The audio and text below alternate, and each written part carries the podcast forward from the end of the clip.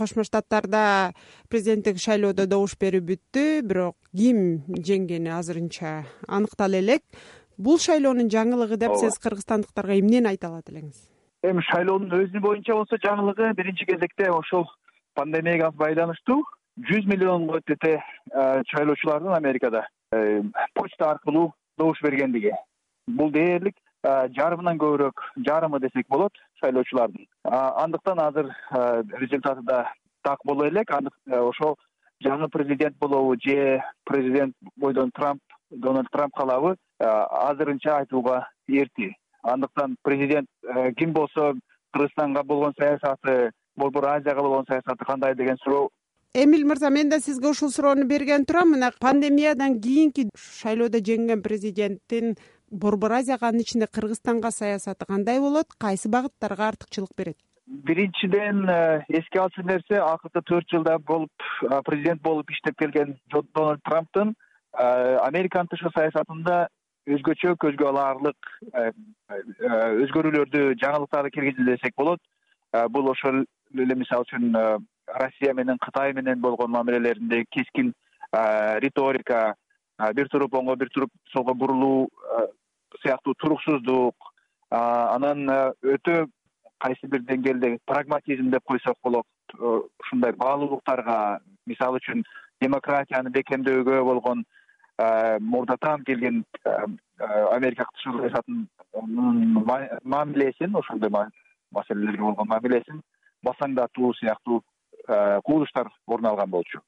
Азыр эми эгер ошол эле киши кайра калчу болсо албетте биз кескин бир өзгөрүүлөрдү күтүүдөн алыс болушубуз керек. Анда ошол саясат дагы улана берет. А эгер э, президент алмашып калчу болсо анда экинчи кандидат жозеф байден бул демократтар партиясынан келаткан э, талапкер өзүнүн жанагы шайлоо алдында айтылган пландары боюнча тышкы саясатта ушул демократияны адам укуктарын граждандык коомдорду колдоого америка кошмо штаттары дагы да көбүрөөк көңүл бурат кайра кайтып келет деген сыяктуу ойлорун айткан. Бул деген эмне болушу мүмкүн кыргызстан үчүн? Биринчиден менимче кыргызстанга азыр көп жарандарыбыз билип калган билип жүргөн жанагы виза берүүгө чектөөлөр киргизилген болчу. Ошол сыяктуу жана жалпы эле дүйнө жүзүндөгү ошол мусулмандар көпчүлүк болгон өлкөлөргө америкага баруу үчүн алардын жарандарына болгон тоскоолдуктарды мүмкүн жокко чыгаруу. Жана негизи ушундай демократияга ыктаган мамилелер мамлекеттерди бийликтерди дагы да көбүрөөк колдоо сыяктуу саясат алып барышы мүмкүн деп айтсак болот. Кыргызстанда бийликтин башына келген жаңы жетекчилик садыр жапаровдун өкмөтү тышкы дүйнөдөн эл аралык коомчулуктан колдоо издеп турат. Азырынча э, вашингтон менен бишкектин ортосунда мындай эмне сөз болуп атат эмне алака болуп атат биз э, так билбейбиз. Бирок буга чейинки алмазбек атамбаевдин бийлиги тушунда токтоп калган келишимди жаңыртуу кыргызстан менен э, кошмо штаттардын ортосунда алаканы кайрадан жандандыруу бир аракеттери болгону белгилүү ошол иш ошол багыт уланабы?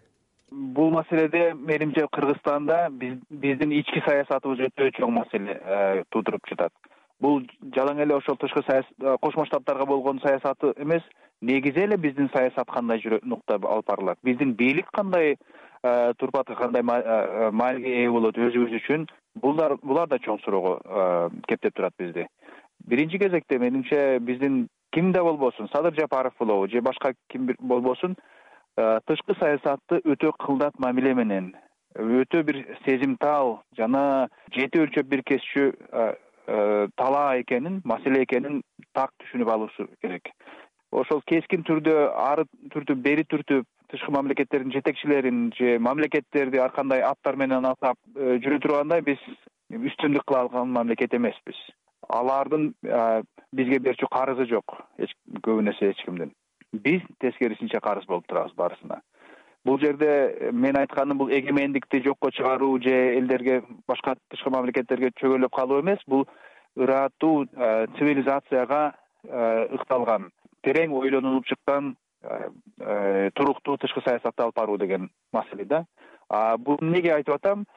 Бул акыркы бир айдын ичинде көрүнүп аткан бийликтин утурумдук азыркы бийликтин кадамдарын карасак дээрлик эки күн сайын дээрлик бир күн сайын чоң маселелерде бир оңго бир солго кадам шилтенип атат. Башкы мыйзамдын сакталышы мындайча айтканда жөн эле түшүнүк болуп калды. Ушул сыяктуу мындай чоң маанилүү принциптерге маанилүү маселелерге жеңил көңүл буруп күч каякта болсо ошол жака чечим чыгаруу бул тышкы саясатта жүрө берчү нерсе эмес. Тышкы саясатта мындай ыкмалар такыр ишке ашпай калат.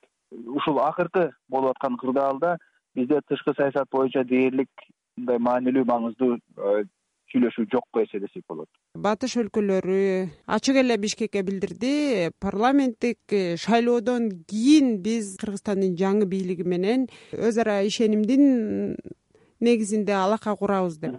Азыр кыргызстанда парламенттик шайлоо качан болоору белгисиз? Демек ошо тышкы саясаттагы аныксыздык улана береби? Келэрки бир айдын ичинде дээрлик э, бул тышкы саясатта бизде так башка мамлекеттердин бизге болгон биздин бийликке болгон мамилеси аныкталат дегенге э, негиз жок. Анткени жакын арада бизде э, шайлоо күтүлбөйт жана президенттик шайлоо онунчу январда гана болчу болуп турат. Ага чейин дээрлик бизде легитимдүү шайлоо аркылуу келинген э, элдин мандатын колуна бекем карманган бийлик бутагы калбады десек болот шайлоо болмоюнча биз легитимдешти деп айта албайбыз эч кайсы бийлик бутагын келечекте кыргызстанда мамлекеттик башкаруу формасы өзгөрөт ал президенттик формага өтөт парламентке шайлоонун системасы дагы өзгөрөт деген мындай бир биз азырынча долбоорун көрбөсөк дагы ушундай талкуулар. Дүйнөнүн алдыңкы өлкөлөрүнүн кыргызстанга болгон ишенимин жокко чыгарып салбайбы? Кыргызстан тышкы мамлекеттер менен тышкы өлкөлөр менен алакасын алып баруу үчүн өзүнүн гана пайдасын же өзүнүн өзүбүздөгү гана саясий кызыкчылыктардын негизинде эмес башка өлкөлөргө эмне кызыктуу болот? Кыргызстан эмне э, сунуштай алат деген маанидеги суроону коюшубуз керек. Ырааттуу жана бизге алгылыктуу мамиле биз үчүн биринчи кезекте керек башка мамлекеттер менен ушул ишенимдүү э, мандаты бар легитимдүү бийлик алып келүү биздин кызыкчылыгыбызда жана ошол э, бийликке келүүнүн жолдору демократиядан тайып жана бүгүнкү күнгө чейин э, көптөн көп мындайча ишеним кредити катары берилген бизге демократиялуу өлкө же демократиялашып жаткан өлкө катары имидж репутациябызды да төгүнгө чыгарып борбор азиядагы башка мамлекеттер сыяктуу өтө борборлошкон жана авторитардык бийликтин жолуна түшчү болсок ал кыргызстан үчүн болуп көрбөгөндөй терс көрүнүш болмок. Анткени чынында сиз айткандай бизде ушул мыйзамдуулук демократиялуулук эркиндик сыяктуу баалуулуктардан сырткары элди тышкы мамлекеттерди тышкы дүйнөнү кызыктырчу көп бир нерсебиз жок. Жакшы сырткы саясат тышкы саясат ушул биздин кандай мамлекет экенибизге жараша болот